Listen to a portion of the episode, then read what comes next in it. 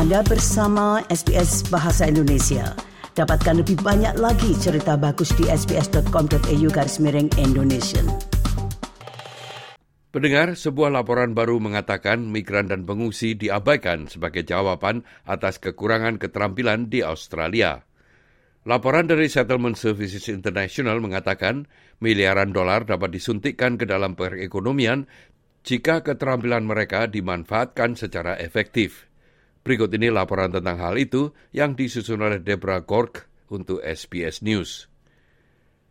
Pada bulan April, Menteri Dalam Negeri Claire O'Neill menyampaikan pidato di National Press Club di Canberra, di mana para migran menjadi fokus utamanya.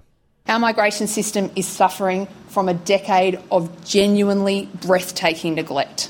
It is broken, it is failing our businesses, it is failing migrants themselves, and most important of all, it is failing Australians.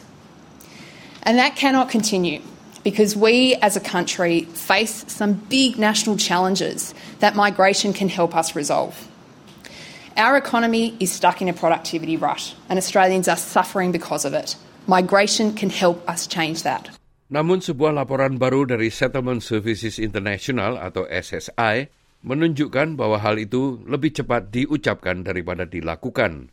Laporan yang berjudul Billion Dollar Benefit mengatakan bahwa begitu banyak para migran dan pengungsi terampil berada di Australia yang sedang berjuang untuk menemukan pinjakan di pasar pekerjaan lokal.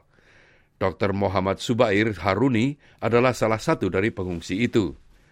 Meskipun setelah berkarir selama 15 tahun di negara asalnya, Afghanistan, dan pengalaman sebagai spesialis program HIV PBB, ia mengatakan bahwa ia tidak dapat menemukan posisi di bidang kesehatan di Australia.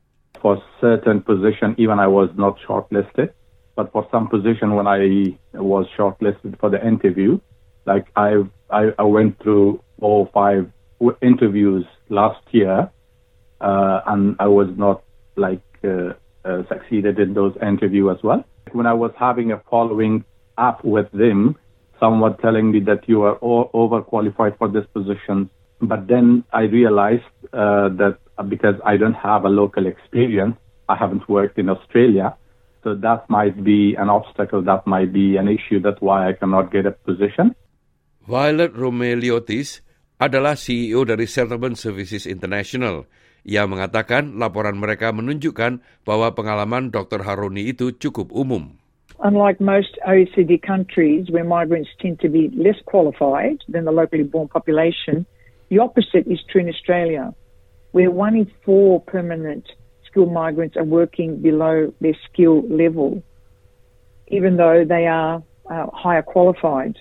Namun bukan hanya di bidang kedokteran saja, para pekerja migran dan pengungsi yang terampil menghadapi tantangan. Rekayasa adalah contoh utama lainnya. Australia perlu mengisi 30 ribu posisi insinyur, namun laporan itu mengatakan setengah dari semua insinyur migran menganggur atau bekerja di sektor lain. Violet Remoliotis mengatakan ada berbagai alasan mengapa para migran dan pengungsi itu menghadapi halangan untuk mencapai potensi penuh mereka di tempat kerja. I think there's many common misconceptions that employers particularly have about refugees and, and migrants generally, um, that they uh, have a lack of skills or education, for example. That is, you know, really not the case. In, many arrive uh, trained as doctors, engineers, teachers. There's a view that migrants don't have adequate language proficiency. And then there's a view that they won't be culturally, you know, fit, that there won't be a good cultural fit. And there's many unconscious biases here um, and assumptions about compatibility with, a, with an organisation's values or work environment. And then I think there's a limited commitment to really being curious about what migrants and refugees could bring to a workplace. Laporan itu juga mengidentifikasi beberapa masalah praktik dan sistemik. 57 persen pencari suaka di Australia tidak diizinkan untuk bekerja. Hampir 2 per 3 pekerja dengan visa sementara dibayar kurang dari standar minimum dan hanya 33 persen pendatang permanen yang kualifikasi pasca sekolahnya diakui di Australia, sesuatu yang dikatakan oleh Settlement Services International sebagai resep untuk eksploitasi dan pengangguran. Dr. Haroni mengatakan Kualifikasinya sekarang telah diakui, namun prosesnya menjadi tantangan baginya dan bagi banyak orang lainnya. The whole recognition process uh, normally should take like three to four weeks time, but uh, th- that's the maximum uh, time. But but like for some, it took more than mm, 20, 25 weeks, like more than three, four, five months period. Uh, for some even more than that. And that the main reason behind is that the current government within Afghanistan, they are not supportive and they are not helping those who have left the country.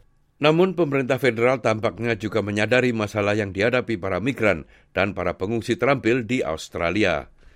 Berikut komentar dari Claire O'Neill.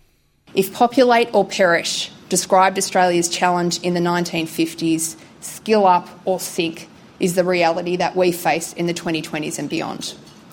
Because today we aren't bringing in the talent that we need to confront these challenges, and we certainly are not making the most of the talent that we've got. We use an income threshold to define temporary workers who come here as skilled. The idea is that they're here because they're bringing to our country things that Australians can't do. Almost 10 years ago, that threshold was frozen by the former government at $53,900. That is below 90 of the, of the, that is below the earnings of 90% of Australia's full-time workers. So what that means is that every year for the last decade, a growing share of people entering Australia on temporary skilled visas are being funneled into low-wage jobs. Pemerintah telah memberi isyarat kuat bahwa anomali seperti itu akan dirubah. Pemerintah akan merilis strategi migrasi yang baru akhir tahun ini yang diharapkan dapat mengatasi kekhawatiran seputar visa dan kondisi kerja serta pengakuan kualifikasi. Sementara itu, Dr. Horini mengatakan ia belum menyerah untuk bekerja di bidang kedokterannya lagi. My recognition has been completed.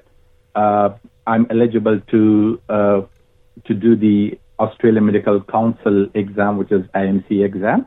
So it needs at least one to two years preparation to uh, make myself prepare for that exam and to do the test. Uh, my long-term goal is like still to go back to my health-related field, and uh, I'm quite confident that I will Demikian tadi sebuah rangkuman tentang masalah dengan migran terampil yang disusun oleh Deborah Gog untuk SBS News dan disampaikan oleh Ricky Kusumo. Sukai, berbagi, komentar. Ikuti SBS program Bahasa Indonesia di Facebook.